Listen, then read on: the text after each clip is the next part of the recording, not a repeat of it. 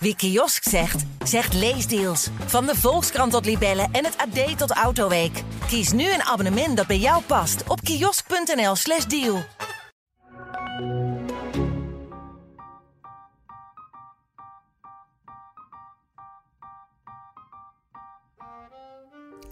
Welkom bij mijn podcast over de liefde. Ik ben Debbie Gerritsen. Ik heb de leukste baan op aarde, geweldige vrienden, lieve familie, een eigen huis, de knapste poes van Nederland. Kortom, ik ben gelukkig. Maar eh, die grote liefde dan? Tja, de grote liefde. Als kind dacht ik altijd dat ik, net als mijn ouders, de ware zou vinden en daar voor altijd bij zou blijven. Huisje, boompje, beestje. Maar past dit eigenlijk wel bij mij en zo niet? Welke relatievorm dan wel? Een open relatie, latrelatie? Of blijf ik gewoon lekker single? In deze podcast ga ik op zoek naar de liefde en praat ik met experts en bekenden over de tradities, taboes en clichés. Ja, fijn dat je luistert naar een nieuwe aflevering van mijn zoektocht naar de ideale liefdesvorm. Deze week praat ik met seksuoloog Eveline Stallaert, bekend van RTL Boulevard en Married at First Sight, over binden, vreemdgaan en de druk van het perfecte plaatje. Ik zit tegenover psycholoog en seksuoloog Eveline Stallaert. Hi. Hoi, leuk in jouw praktijk hier aan het Vondelpark. Eh, ontzettend leuk. Hey, mag ik vragen, wat is jouw relatiestatus? Mijn relatiestatus is getrouwd. Wauw. Ja. Ah, ben je al lang getrouwd? Al een tijd. Ja, ik zit even te denken. Oh god, het is echt schaamtelijk dat ik dat nou niet snel weet. Acht jaar. Oké, Ja. nou dat is best lang. Ja. Hey, heb jij ooit eh, de druk gevoeld om te trouwen of een relatie te krijgen? Of een, ehm, Nee, eigenlijk niet. Nee, ik moet ook eerlijk zeggen dat ik eh, nog redelijk jong was. En toen, ja, toen ik ten huwelijk gevraagd werd. En op dat moment was dat geen wens of zo van mij. Dus dat kwam eigenlijk een beetje zo, ja, abrupt. En toen dacht ik, oh ja, nou, dat wil ik eigenlijk wel. Maar het was niet dat ik dat als droom had of zo. Nee. Van nee, helemaal niet. dus niet als kind dat je dacht, oh ik moet die witte jurk aan. Nee, helemaal niet. Maar uiteindelijk vond ik het heel leuk, Ja. daar niet van. Maar ehm, het was niet, nee, geen grote wens. Dus toen het er ineens was, toen dacht ik, oh ja, nou prima, leuk. Maar heb je als kind ook nooit nagedacht over een andere vorm van een andere relatievorm? Of dacht je altijd wel, oké, dit, dit is wel het beeld en daar, daar wil ik heen? Ja, ik was toch altijd wel stiekem van huisje, boompje, beestje. Ja. Ik was vooral meer bezig met, oh, ik zou wel een fijn gezin willen hebben, denk Mhm. ik, als jong meisje. Meer dan, dan dat huwelijk, eh, denk ik. Maar dat, ja, dat, dat was wel een beeld wat ik eh, als wens had voor Ja. de toekomst. Ja. Hoe denk je dat je dat beeld hebt gekregen? Is, is dat iets wat, eh, ja, is dat iets wat je kopieert van je ouders? Ja, Of ja, is- ja. doen we dat? Ja, is het zo ik- makkelijk? Dat doen we helaas. Dat, dat sowieso. Ik denk ook, ik kom uit een heel katholiek gezin. Dus Mhm. daarin was het ook wel heel erg het plaatje wat je werd voorgehouden. Ik denk ook niet dat er enige ruimte is geweest in de zin van andere verhalen die mij daarin eh, werden verteld dan eh, man vrouw die samen een relatie vormen. Ehm, wel heel beschermd eh, opgevoed. Dus in die zin was het ook vooral van blijf maar heel lang lekker rondkijken en ook vooral niet zoveel doen. Oh nee, dus je mag niks Dus doen. nee hoor. Wel kijken, Ja, wel kijken. niet en, kopen. eh, nee, inderdaad. Niet aan eh, zitten. en ja, dus dat zorgde er wel voor dat ik al wel vrij vroeg dacht... ja, maar ho eens even, dat bepaal ik zelf wel. Oké, heel goed. Maar goed, het was niet altijd even handig natuurlijk Nee. thuis. Maar ehm, ja, het, eh, ja, ik weet niet, het zat vrij snel wel in mijn systeem van... hé, hey, dit vind ik leuk en het flirten en het... eh, ja, ik weet niet, dat Dus viel eigenlijk wel op zijn plek. Ja, maar het is flirten dus wel. Maar is, Ja. maar is het zo dat wij intrinsiek bij de wens hebben om bij, met elkaar te hokken? Of is het iets wat, wat ook al een beetje is opgelegd door de maatschappij? Ja, het is zeker opgelegd door de maatschappij. Ik denk dat wij vanuit, natuur, eh, vanuit de natuur wel echt, ehm, ja, hoe zeg je dat, het flirterige willen, de aandacht zoeken, ehm, ehm, een beetje dat spannend, dat spannende opzoeken. Mhm. Echt eh, die, ja, hoe zeg je dat, het spanningsveld. Ehm, maar ehm, ik denk zeker niet dat wij daarin eh, echt gemaakt zijn om, eh, om eh, ja, echt, hoe zeg je dat, te trouwen, monogaam te zijn. Nee, helemaal niet. Maar ja, ehm, Toch doen we here dit. we are. Ja, echt, ja, hè? ja, maar iedereen doet het. Ja, Sterker nog, als je het niet doet, dan komen de vragen. Hè? En oordelen vooral, lukt het niet? Ben je te kritisch?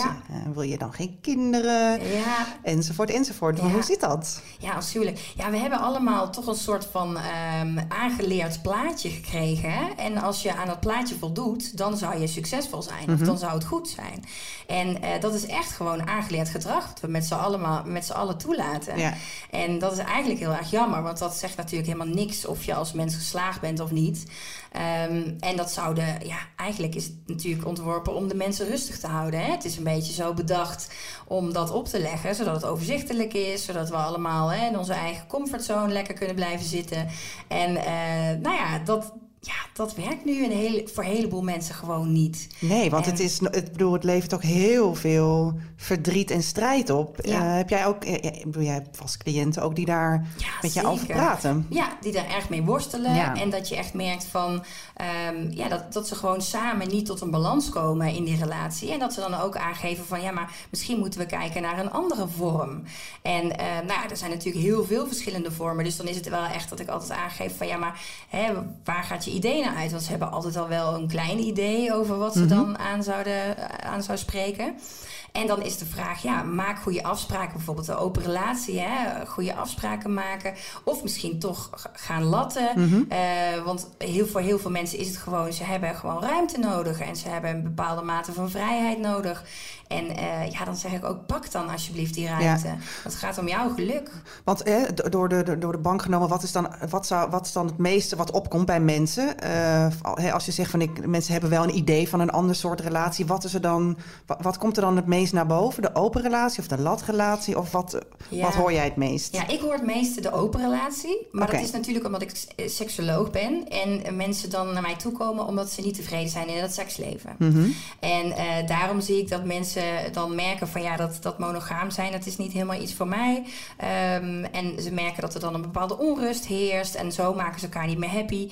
Maar ja, ze willen niet zonder elkaar. Nee. Dus dan is het van ja, is het dan een open relatie misschien een idee? En wat adviseer je een, een stel als eerste? Van wat, wat, ja, hoe, ga, hoe pak je zoiets aan? Want ik kan me heel goed voorstellen. Ik denk als de meeste mensen horen... we gaan een, van een monogame relatie naar een open relatie... dat er paniek om het hart... Ja, ja. Dat je echt een vlek in je nek krijgt ervan, ja, van dat ja. idee. Wat adviseer je?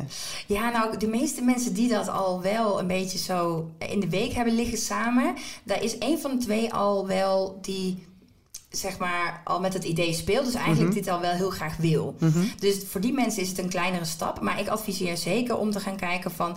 oké, okay, maak goede afspraken in de ruimte die je elkaar geeft. Wees eerlijk naar elkaar. Want je kan wel... Hè, heel veel mensen zeggen dan van... nou, dan houd het wel gewoon stil als een van de twee een date heeft gehad. Of hè, wat er gebeurd is.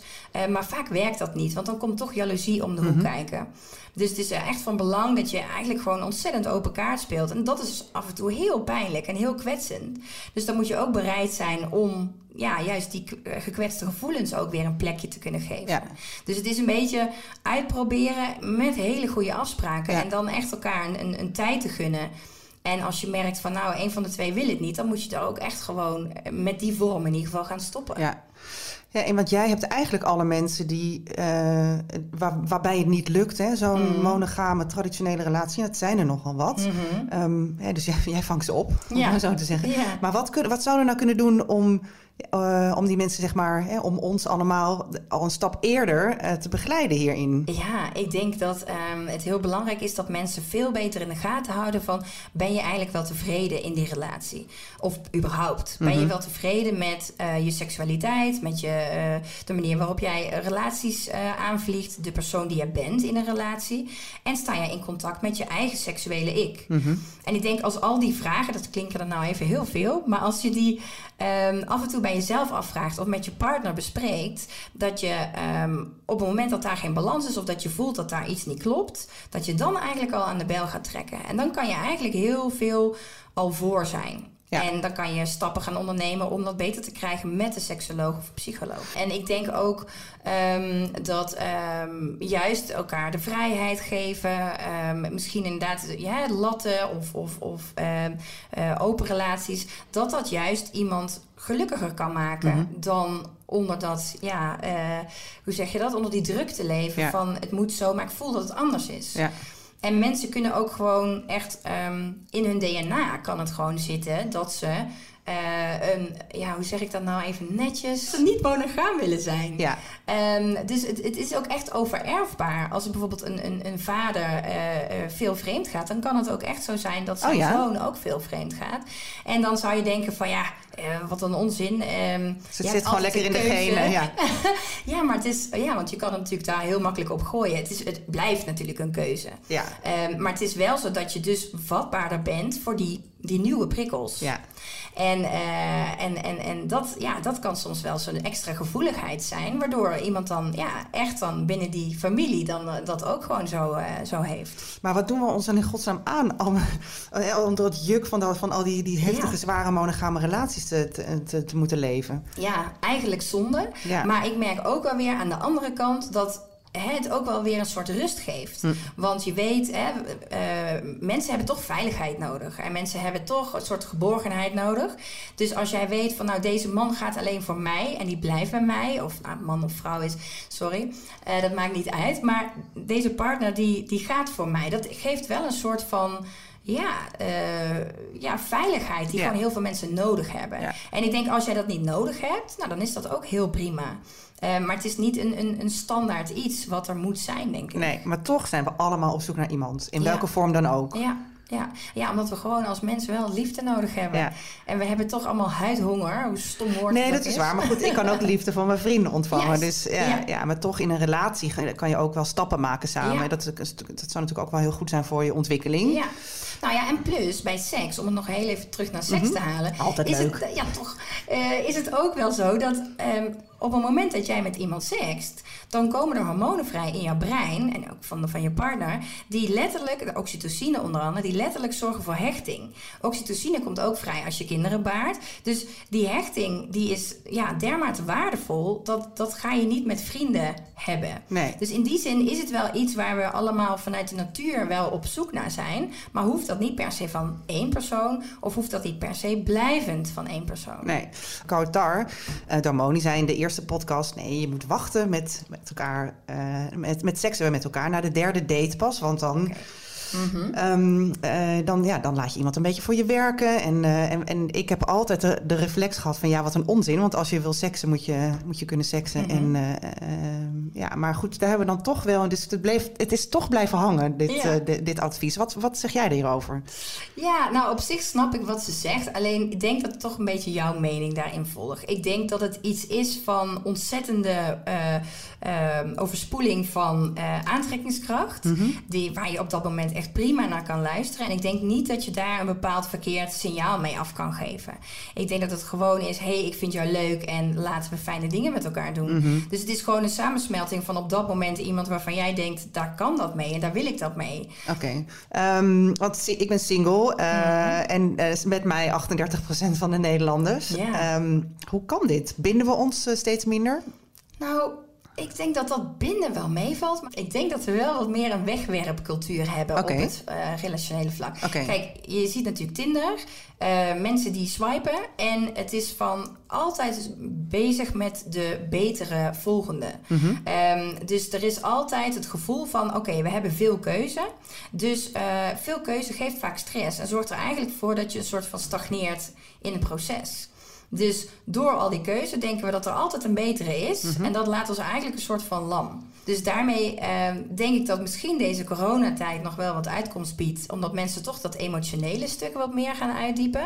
Omdat er gewoonweg ja, niet meteen die stap naar het fysieke is. Tenminste voor veel. Ehm, dus dat vind ik nog wel een positief iets. Ehm, maar ja, ik hoop, ik hoop dat we wat, wat verder kunnen kijken dan alleen dat perfecte plaatje. Ja. En wat bedoel je dan daarmee? Wat verder kijken? Ja, ehm, ehm, mensen kunnen mooier worden en leuker worden naarmate je er langer mee omgaat. Ja. En het is eh, heel makkelijk om heel snel te zeggen: oh ja, ehm, hij of zij doet dit of dat of dat niet goed en ik ben weer weg. Terwijl eh, misschien is dat plaatje niet perfect, maar is het wel. Ja, hoe zeg je dat? Komt het wel veel dichterbij dan iemand die een andere eh, mix heeft, zeg maar. Die, die misschien op, ja, op dat ogenblik voor jou perfecter lijkt. Ja. Maar goed, uiteindelijk is het dan toch ook een soort eh, angst voor je. eh, de- ja, ik bedoel, ik kom heel veel mannen tegen met een soort Peter Pan syndroom, lekker jong Oh ja. blijven. Eh, ik bedoel, ehm, Ja. en, en, en een, toch een heftige vorm van bindingsangst. Ehm, ja, en ik snap dat ergens ook wel. Want uh, dus uh, de, langer met elkaar omgaan betekent ook ja, dat het uiteindelijk is een, een, een, monogame, een monogame relatie. Mm -hmm. En dat angstbeeld van alles moeten, ja, uh, ja dat herken ik wel. Hè? Dus de kerstdis, loodjes ja. trekken, ja. Sinterklaas. Ja. ja, ik krijg daar echt um, vlekken van in mijn nek. Ja, dat snap ik. um, dus we verwachten ook best heel veel van elkaar, juist, toch? Juist, heel. En dat is eigenlijk op alle vlakken. Het moet alle, allemaal leuk en interessant zijn. Ja. En we willen eigenlijk al die boxjes afgetikt hebben. Dat als we op een verjaardag staan en mensen vragen: En hoe heb jij het? Dat je gewoon eigenlijk al die dingetjes kan opnoemen.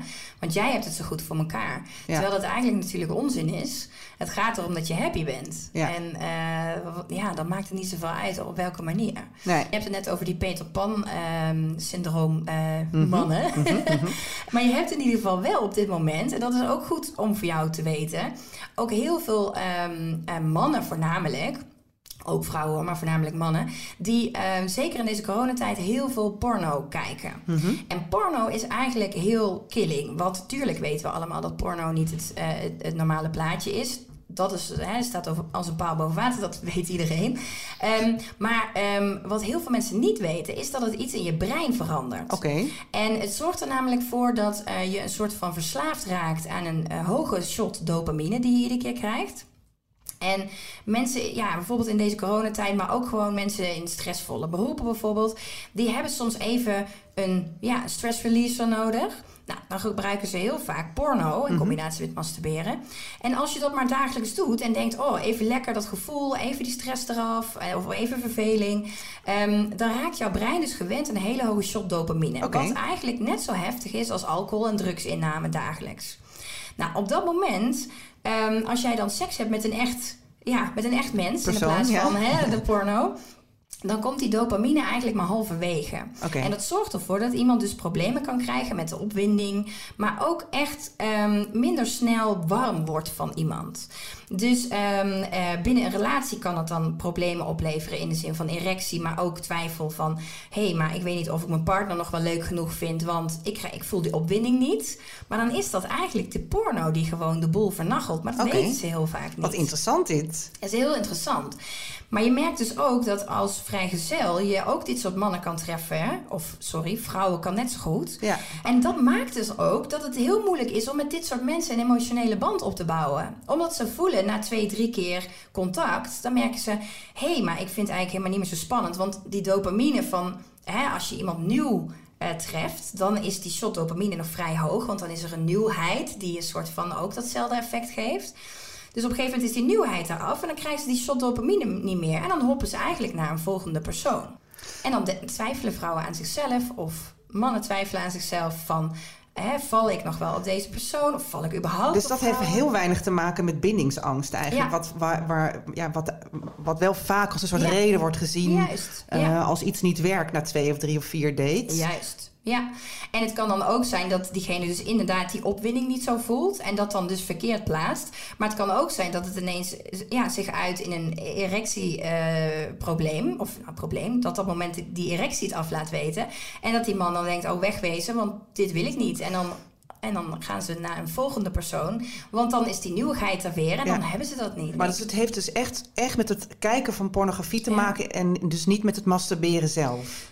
Um, het is de combinatie. Want als je alleen naar porno zou kijken en je zou niks doen, dan legt jouw brein niet de connectie tussen Nee. seksuele opwinding. Dus je, het is inderdaad porno kijken met masturberen. Oké. Ja. Het staat zo ver af van het, hè, van het, ehm, eh, van het nastreven van een, naar een, een relatie. Hè. Dus eh, er zit zo'n gat tussen, Mhm.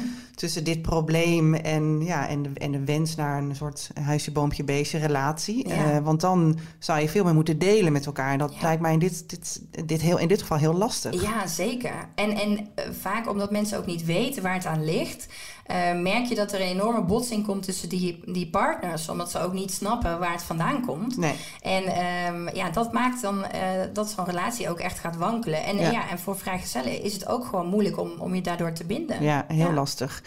Ja, binden. Uh, het is nogal wat. Ja. Eh, bindingsangst is natuurlijk ook iets wat, ehm, wat, wat volgens mij eh, in deze tijd ook steeds een groter probleem wordt. Ja. Eh, Erken jij dat? Ja, ik Waarom? merk het wel dat, dat mensen vooral het moeilijk vinden om te binden, omdat ze bang zijn dat ze een verkeerde keus maken. Oké.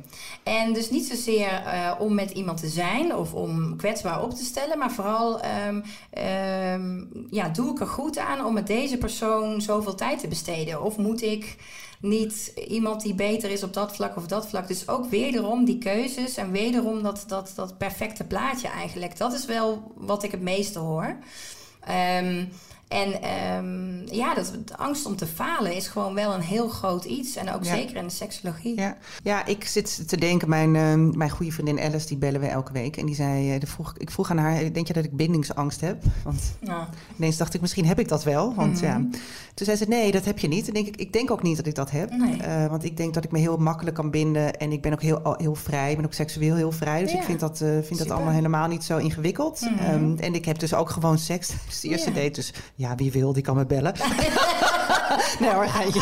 Ik heb dus wel volgens mij eh, een vorm van verlatingsangst. Dus als ik het, Ja. ik, als ik eenmaal, ik ben dus heel makkelijk om mensen binnen te laten. Mijn moeder zei vroeger altijd: Jij bent veel te makkelijk. Jij hebt allemaal vriendinnen over de vloer. En iedereen mag je, mag je kleren lenen. Je geeft je sleutels al eh, weg na, na één week spelen. Ehm, maar je, je wordt ook heel makkelijk gekwetst. Omdat, omdat ik te open ben, Mhm. zeg maar. Mhm. Ehm, dus ik denk dat daar zit best wel een punt. Dat het te makkelijk hè? Ik, ik laat mensen heel makkelijk binnen. Maar ik ben dus ook heel bang om die weer kwijt te raken. Dus Ja. een soort verlatingsangst, denk ik. Ja, ja, dat zou kunnen. En dat je dat dan verlamt. Ja. Want op het moment dat dan dus de, eh, het risico erin zit dat je iemand kan gaan verliezen, Mhm. dan ga je misschien juist die muur omhoog trekken. Ja. Ik weet het niet. Ja, dat want zou ik weet kunnen. natuurlijk te weinig van je. Ja. maar, maar dat is wel wat je dan kan doen om jezelf te beschermen. Want dan ben je bang om dat kwijt te raken. Dus om dan zelf de stekker eruit te trekken, Ja. dat is minder pijnlijk. Ja. Nee, dat is wel herkenbaar, ja. Ja. ja. En dat is heel logisch. En dat is ja, gewoon een, een kopingsmechanisme eigenlijk. Maar het is dus het, is het omgedraaide van bindingsangst, toch? Dus Ja. het, in principe is het hetzelfde. Ja, nee, het is, het is inderdaad een beetje het omgedraaide. Dus, dus, ehm, eh, maar het heeft allemaal te maken met een bepaalde angst. En, en die je dan eigenlijk, ehm, hoe zeg je dat? Die je inzet om jezelf te beschermen. Mhm. En, ehm, maar, maar door te gaan kijken van hoe kan ik... Hè, stel dat je daar niet per se aan wil werken. Want kijk, het kan ook gewoon een gegeven zijn wat je zegt... nou, dat heb ik en daar ga ik mee om, punt. Hè. Je hoeft niet altijd aan alles te werken. Nee? Eh, Oh. Nee, dat denk ik dan. ik denk dat dat ook, weet je, als het niet per se super dysfunctioneel is in je leven, ehm, dan hoef je er niet per se iets mee. Dus als jij denkt van, nou ja, goed, dat is een gegeven, hoe ga ik dan kijken dat ik dat ja, een beetje eh, zo vormgeef dat ik daar niet heel erg last van heb. Of dat je het herkent voor jezelf en dat je daar even er doorheen bijt. Mhm. Ehm, maar dat is inderdaad gewoon een beetje vallen en opstaan en toch nog steeds eh, uitproberen en zoeken naar de juiste manier voor jou. Maken we het hele eh, concept relatie niet gewoon veel te belangrijk? Ehm, ja, dat zou best eens kunnen. Ja, ja het, het hebben en het behouden van de relatie. Want dat is ook wat ik heel veel in mijn praktijk hoor. Van, ja, dan heb ik maar seks. Want ja, dat hoort toch in een relatie. Of dat, dan hou ik hem tenminste bij me. Ja. En, en dat is zo zonde. Want als je seks gaat hebben voor de ander... ja, dan gaat het heel gauw mis. Want Ja. dan krijg je dus niet meer die beloning. En dan, ja, dan heeft het... Ja, dan gaat je, je libi- libido eigenlijk als een gek achteruit. Ehm, en dan krijg je een hele verwrongen relatie met seks. Maar dat is wel wat er heel veel gebeurt. Van ik wil hem bij me houden, dus ik Ja. heb maar seks. Maar goed, soms moet je toch ook gewoon een beetje zin maken. Dit is natuurlijk heel erg wat dit zegt. Nou ja, daar ben ik het zeker wel mee eens. Ja, toch? Ik Ja. Denk, nou ja, zin maken is altijd zoiets waar mensen over vallen. Maar ik zou het dan willen noemen ehm, eh, openstaan voor die seksuele prikkels. Ja. Ja. Ja. want dat perfecte plaatje, dus dat droombeeld... we hebben daar in de vorige aflevering met Saskia Noord ook over gehad... die, die zit het ook in de weg. En bij mij ook hoor, want Mhm. Ehm, ik heb een relatie hiervoor gehad... eh, dat, dat liep niet goed om, of, door allerlei andere redenen... maar ik had wel heel erg het idee... oké, dit is dan eindelijk, ga ik samenwonen... heb ik een, een auto, een bonuskind... misschien gaan we eens praten over kinderen. Het was heel erg alsof ik al die boxen ja. eh, had, eh, eh, had afgevinkt, of hoe noem je dat? Ja. Ehm, hè, want dan, dan heb ik het perfecte plaatje. Nou, eenmaal in die relatie. nog geen week zat ik op de bank en toen dacht ik... oh nee, dit- nee, dit is helemaal niet wat ik wil, geloof ik. Ja. Maar de druk om dat wel te gaan doen is, Juist. is zo enorm. Ja. Ehm, ja, volgens mij is dat, is dat een enorm probleem in onze maatschappij. Ja, want die druk die legt je eigenlijk lam. Ja. En dat zie je eigenlijk op alle vlakken met betrekking tot de liefde. Op het moment dat jij druk voelt, dan eigenlijk verdampt alles. Mhm. Dus al wat er maar verliefdheid is, dat, dat verdampt gewoon. Want als wij druk voelen, dan willen we eigenlijk gewoon uit de situatie. Dan willen we hollen. Ja. En, en dat maakt het dan dat het zo ehm, ja, de verkeerde kant op valt. ja, want je maakt dus ook verkeerde keuzes dan. Ja, ja. dus eigenlijk zou het mooier zijn als je kan gaan... Hè, je voelt dat misschien dan op dat moment... maar dat je dat gewoon heel rustig voor jezelf gaat bedenken. Oké, ik ga daar nou niet druk op gooien, ik zie het wel. Maar ja, dat doen we helaas niet zo gauw. Mhm. Nee. Eh, omdat we juist dat, die opgelegde druk maar blijven voelen. Ja, ja, en je heel erg graag, ik wilde heel graag voldoen aan een plaatje die, Juist, ja. die ik in mijn hoofd had gecreëerd. Ja, ja, Ehm, ja. ja, dus, dus eenmaal uit die relatie heb ik heel erg gedacht, maar wat ging daar nou eigenlijk mis? Hè? Want, Ja. ja. want ehm, snap ik. ik, ik heb iets voor mezelf toch, eh, ik heb toch een soort beeld op willen houden van mezelf en Mhm. dat geprobeerd. En Mhm. eh, ja, past dat eigenlijk wel bij mij? Ja. eh, en en past dat eigenlijk wel bij de mensen om me heen? Als ik daar eens over praat, dan, dan hoor ik toch heel vaak, nou ja, ik weet het eigenlijk niet. En, Ja. en misschien, ik ben daarna bijvoorbeeld gaan latten. Dat Mhm. paste veel beter bij mij. Ja, ja. Op die manier ga je dan toch zoeken inderdaad. Hè, naar, eh, als je daarvan geleerd hebt. En nou ja, dan misschien nieuwe andere keuzes gaat maken in de toekomst. En ik denk dat je zo wel ergens tot een balans gaat komen van... Nou ja, dit werkt dan wel voor mij. Mhm. Ehm, maar zal je wel, eh, denk ik, altijd ehm, moeten uitgaan van jouw eigen gevoel. En ik denk dat heel veel mensen altijd... eh, Of altijd. Dat in heel veel situaties mensen zoveel in hun hoofd zitten... met inderdaad hoe het hoort, hoe het zou moeten. Mensen in hun familie, mensen die dingen van ze verwachten. Ehm, waardoor ze alles eigenlijk kapot analyseren. Want heel veel mensen zeggen wel eens van... ehm, ja, ik, eh, ik, ik, ik voel het niet. Ik, ik, weet niet of ik verliefd ben, want ik, ik voel het niet. nee. En dan, eh, maar dan zijn ze eigenlijk gewoon alleen maar heel hard aan het nadenken. En eh, zetten ze eigenlijk dat gevoel helemaal niet Ja. open. Nee, dat begrijp ik dus niet. Want ik kan heel makkelijk heel, heel snel verliefd raken. Dus ik Ja. weet precies of ik wel of niet verliefd ja, ben. top. Of dat ik nooit verliefd... Ik heb nog, nee, er zijn mensen die zeggen, ik ben nog nooit verliefd geweest. En denk ik, ja, dat kan toch niet? Nee, dat kan eigenlijk niet. Maar misschien laten ze dat niet echt toe. Dus, ik, dus je denkt wel dat ik emotioneel wel in staat ben. ja, eh, dat ik- zeker. Nee, dat klinkt dat ik- hartstikke goed. Dus ja, ja. Ja. maar over het algemeen denk ik, als jij zorgt dat jij lekker in je vel zit, en dan bedoel ik eh, seksueel gezien, ehm, ehm, en, en, en hoe zeg je dat, gewoon happy in je hoofd bent. Ehm, ik denk dat dat wel een basis is Ja. wat je lekker moet hebben zitten. En op dat moment dan straal je dat ook uit naar een ander. Nou ja, even vanuitgaande dat het niet coronatijd is, kijk dan even wat voor je werkt. Is het dan toch gewoon de kroeg waar je eh, fijne oogcontacten op zoekt? Ehm, of is het, eh, het, het, ja, het, het swipen of iets dat daarmee te maken heeft? Ehm, ja, probeer dan wel ehm, niet te kritisch te zijn. En Nee. probeer ehm, daarin een beetje te kijken van... hé, hey, wat spreekt mij nou aan? En dat ga ik gewoon onderzoeken. En is het het niet, dan is het het niet. En ga je dan niet op je kop zitten van... jeetje, ik doe iets verkeerd. Nee, nou, dan was het het niet. Nee. En, en, en door. Dus durf te falen, durf weer op te staan... en, en trek het je niet aan. Probeer te leven en, en ja... Ja. Is het belangrijk om, eh, om eh, jonge vrouwen te stimuleren om veel eh, en om, ja, om er echt op uit te gaan? En te, jij hebt zegt over jezelf. Hè? Ja. Nou, dat, dat werd nou niet per se gestimuleerd bij mij thuis. Nee. Heb Ja. je dat gemist? Ehm, ja, ik denk wel dat als ik, ehm, ja, als ik terugkijk, dat ik dat wel eh, had moeten doen en had willen doen.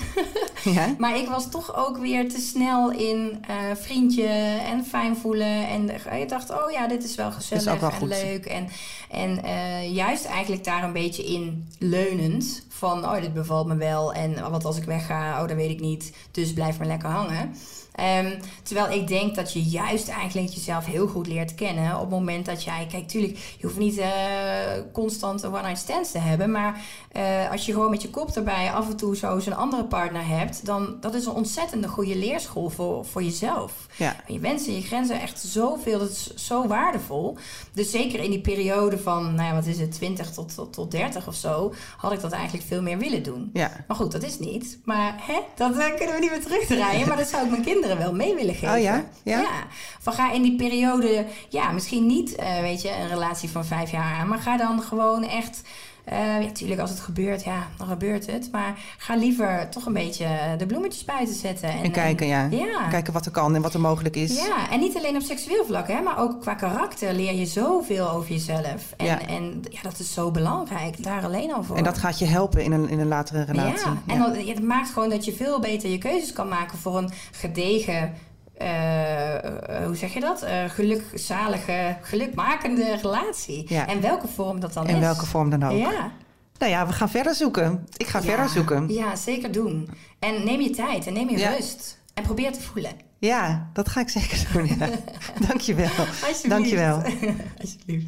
Oké, het is dus verstandig om eerst eens even flink de bloemetjes buiten te zetten voordat je je laat vastleggen in een eh, monogame relatie. Want eigenlijk zijn we daar helemaal niet voor gemaakt. Sterker nog, schuismuseeren zit zelfs in ons DNA. Hm, benieuwd hoe Alice hier naar kijkt. Zou ze openstaan voor een open relatie? Even bellen met Alice. Hey, Hey El, hey Deb, nou wat leuk. gezellig. Wat leuk om het? over te spreken. Hoe doe je dat eigenlijk, forever monogaam blijven? Want ik heb net geleerd dat we er helemaal niet voor zijn gemaakt. En sterker nog, het kan zelfs in ons DNA zitten. Vreemd gaan. Echt waar, joh? Ja. Ja, dus Oké. ja, heb jij, heb jij goede genen of heb jij slechte genen? Ik denk dat ik er wel voor gemaakt ben. Ja? Ja, Denk jij nou ja ik nooit denk het wel. Na zoveel jaren, godsamme zeg. Ik zou wel eens een keer eh, een ander smaakje willen. Kom je weer met je bolognese chips. Ja. Ja, maar het is toch zo? Na zoveel jaren naturel chips wil je toch ook een keer een handje paprika chips? ja, maar het is, nou ja, ik, nee, ik heb die urge niet zo, geloof ik. Nee, nou maar ja. misschien komt het ook omdat ik denk van, ehm, dat ik de ander daar dan ook heel veel verdriet mee doe, weet je wel? Dus dan, dat is me het allemaal niet waard. Ik ben gewoon niet zo eh, daarmee bezig ook, denk ik. Nou ja, dan ben je gezegend eh, met, het, eh, met het goede gen. Want er zijn natuurlijk heel veel mensen die daar wel last van hebben. Dus Eveline krijgt natuurlijk al die mensen op, haar, eh, op, op de bank. Ja, zo'n open relatie, denk je dat dat werkt? Nou, ik kan me voorstellen dat het voor mensen wel werkt. Omdat ze dan toch ehm, die bevrediging krijgen uit meerdere... Weet je wel, dat je niet alles uit één relatie... Daar hebben we het natuurlijk al eerder over gehad. Dat je niet alles uit één relatie hoeft te halen. Mhm. En ik denk dat er gewoon een heel erg eh, cultureel stigma op een open relatie zit. Zo van, oh, eh, wat doe je jezelf aan en, en kan dat wel? En eh, dat hoort niet, weet je wel. Daar hebben mensen natuurlijk gewoon best wel een mening over. Mhm. Ehm, dus ik kan me voorstellen dat mensen het ook liever voor zichzelf houden. Maar ik denk, ja, waarom eigenlijk niet? Weet je wel, als je daar gelukkig van wordt en het kan. Ja, Ik denk alleen niet dat ik zou het niet kunnen. nee. Ja, waarom niet? Ja, ik denk toch dat je dan iets van jaloezie hebt, weet je wel. Het is namelijk toch ook wel heel erg mensen eigen om iets voor jezelf te willen houden. Ja, En om jezelf, weet je wel, om delen is volgens mij niet helemaal eh, nee. ons sterkste punt. Het kan ook wel een mooie oefening zijn om daar wel voor open te staan en ehm, ehm, kijken wat dat dan met je doet. En, Ja. Maar goed, dan moet je wel heel erg zin hebben in een stevig potje zelfreflectie. Even lekker in de spiegel kijken. Ja, jezus. Je moet wel stevig in je schoenen staan. Ja, zeker. Ja, goed. En als het niet nodig is in de relatie, hoeft het natuurlijk ook niet. Hè? Ehm, nou, nog iets anders wat ze ook zei. ehm, is dat het, er- dat het goed is dat je, ja, dat je eventjes eh, flink eh, de bloemetjes buiten zet als je jonger bent. Dus even dat het, dat het echt wel nut heeft. Zeker als je daarna een lange relatie aangaat. En nou ja, in combinatie met dat Ja. we weten dat we toch niet monogaam zijn, lijkt me dat ook heel verstandig. Hoe kijk jij daarna? Nou, kan wel- ja, dat helpt natuurlijk wel. Als je altijd bij dezelfde persoon bent, dan gaat het waarschijnlijk eerder kriebelen dan als je al veel meer hebt rondgeshopt en denkt, nou, ik weet een beetje wat er eh zoal eh, gebeurt daar buiten de deur. Mhm. Ja, dan is denk ik die, ehm, die behoefte minder, ja. Ja, het is ook maar, weet je wel, ja, als je niet bij iemand blijft plakken die je leuk genoeg vindt, ja, dan ga je gewoon sneller verder kijken. Nee, dat is ook zo. Ja. Ja. Nou ja, daar, wordt, bedoel, daar zit best een stigma op, hè? Vrouwen die, eh, die eh, seksueel vrij zijn en eh, lekker rondhoppen. Ik bedoel, zo is het ook. Dat is toch ook wel echt belachelijk in 2021. Dat we nog steeds verschillende benamingen hebben voor mannen die dat doen en vrouwen. En dat vrouwen altijd te slet zijn en mannen stoer. Ja, ja het is, het, je gelooft het gewoon bijna niet dat dat nog in deze tijd nog steeds zo is. Maar goed, het is gewoon echt wel zo. Het is gewoon zo. Ja, vrouwen... En mannen willen het ook gewoon toch niet weten. Ik bedoel, van jou willen ze toch ook niet horen Nee. dat je al... eh, ik weet niet hoeveel mannen... wel, Dat Versleten. vinden ze toch ook eh, versleten, ja, verslonden, Ja. ik zeggen. Nee, dat willen ze niet weten. Nee, nee. Niemand, geen een van mijn ex, eh, exen wilde dat weten. Sterker nog, daar kreeg, heb ik er ruzies over gehad. Ja, Ja, dat vind ik ook heel bijzonder. En niet bij één hoor, gewoon bij al mijn vriendjes. Ja. Terwijl andersom. Nou, in de eerste weken wist ik al eh, het hele balboekje eh, van voor naar achter. Ik wou net zeggen, ik krijg je ongevraagd alle details te Ja, joh. over. eh, ja. Ja, of zat ik ineens aan tafel met vijf exen. ja. Ja, niet dat bedoel, dat is niet erg. Ja, maar nee, andersom had dat gewoon niet, was dat niet mogelijk. Echt niet mogelijk. Nee. Oké, nou, eh dankjewel weer. Jij ook. Ik heb weer wat geleerd. Heb je, wat heb je geleerd? Dat ik zin heb in chips. Nou, doe je ding. Wel naturel, hè? Gewoon stick to the plan.